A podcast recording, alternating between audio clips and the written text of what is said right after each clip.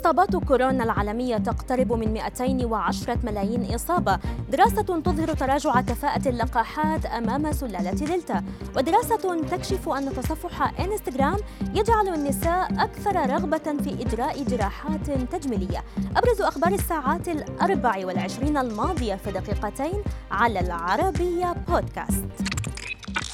أفادت جامعة جونز هوبكنز الأمريكية بارتفاع إجمالي عدد الإصابات بفيروس كورونا العالمية لنحو 210 ملايين إصابة وإجمالي الوفيات إلى أكثر من 4 ملايين و300 حالة وفاة.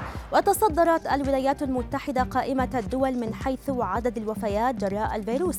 تلتها البرازيل في المرتبة الثانية وفي المرتبة الثالثة تأتي الهند. أما المرتبة الرابعة فكانت للمكسيك. خلصت دراسة بريطانية إلى أن الحماية التي يوفرها أكثر لقاحين استخداما للوقاية من سلالة دلتا تضعف في غضون ثلاثة أشهر.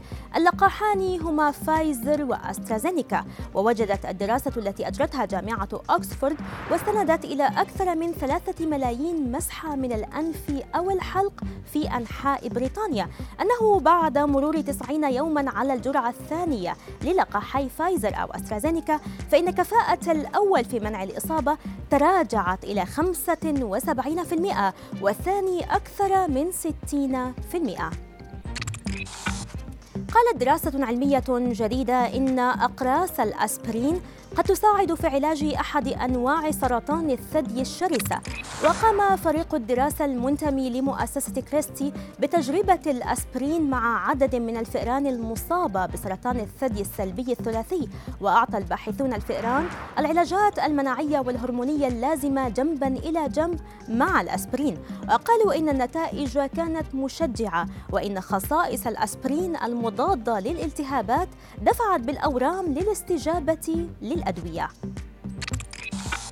توصلت دراسة إيطالية إلى أن الشابات اللواتي يمضين ساعات في تصفح إنستغرام قد يرغبن في الخضوع لجراحات تجميلية حيث أجرى خبراء من جامعة إيطالية استبيانا على نحو 250 امرأة إيطالية تتراوح أعمارهن بين 19 عاما و32 عاما حول تفاعلهن مع إنستغرام وعدم الرضا عن أجسادهن. ووفقا لما ذكرته صحيفة ديلي ميل البريطانية وجد الفريق أن تعرض النساء لمتابعة أو تنزيل الصور طويلا في إنستغرام يؤدي إلى زيادة شعورهن بالاستياء من أجسادهن وملامحهن بسبب التعليقات الإيجابية أو السلبية عليها.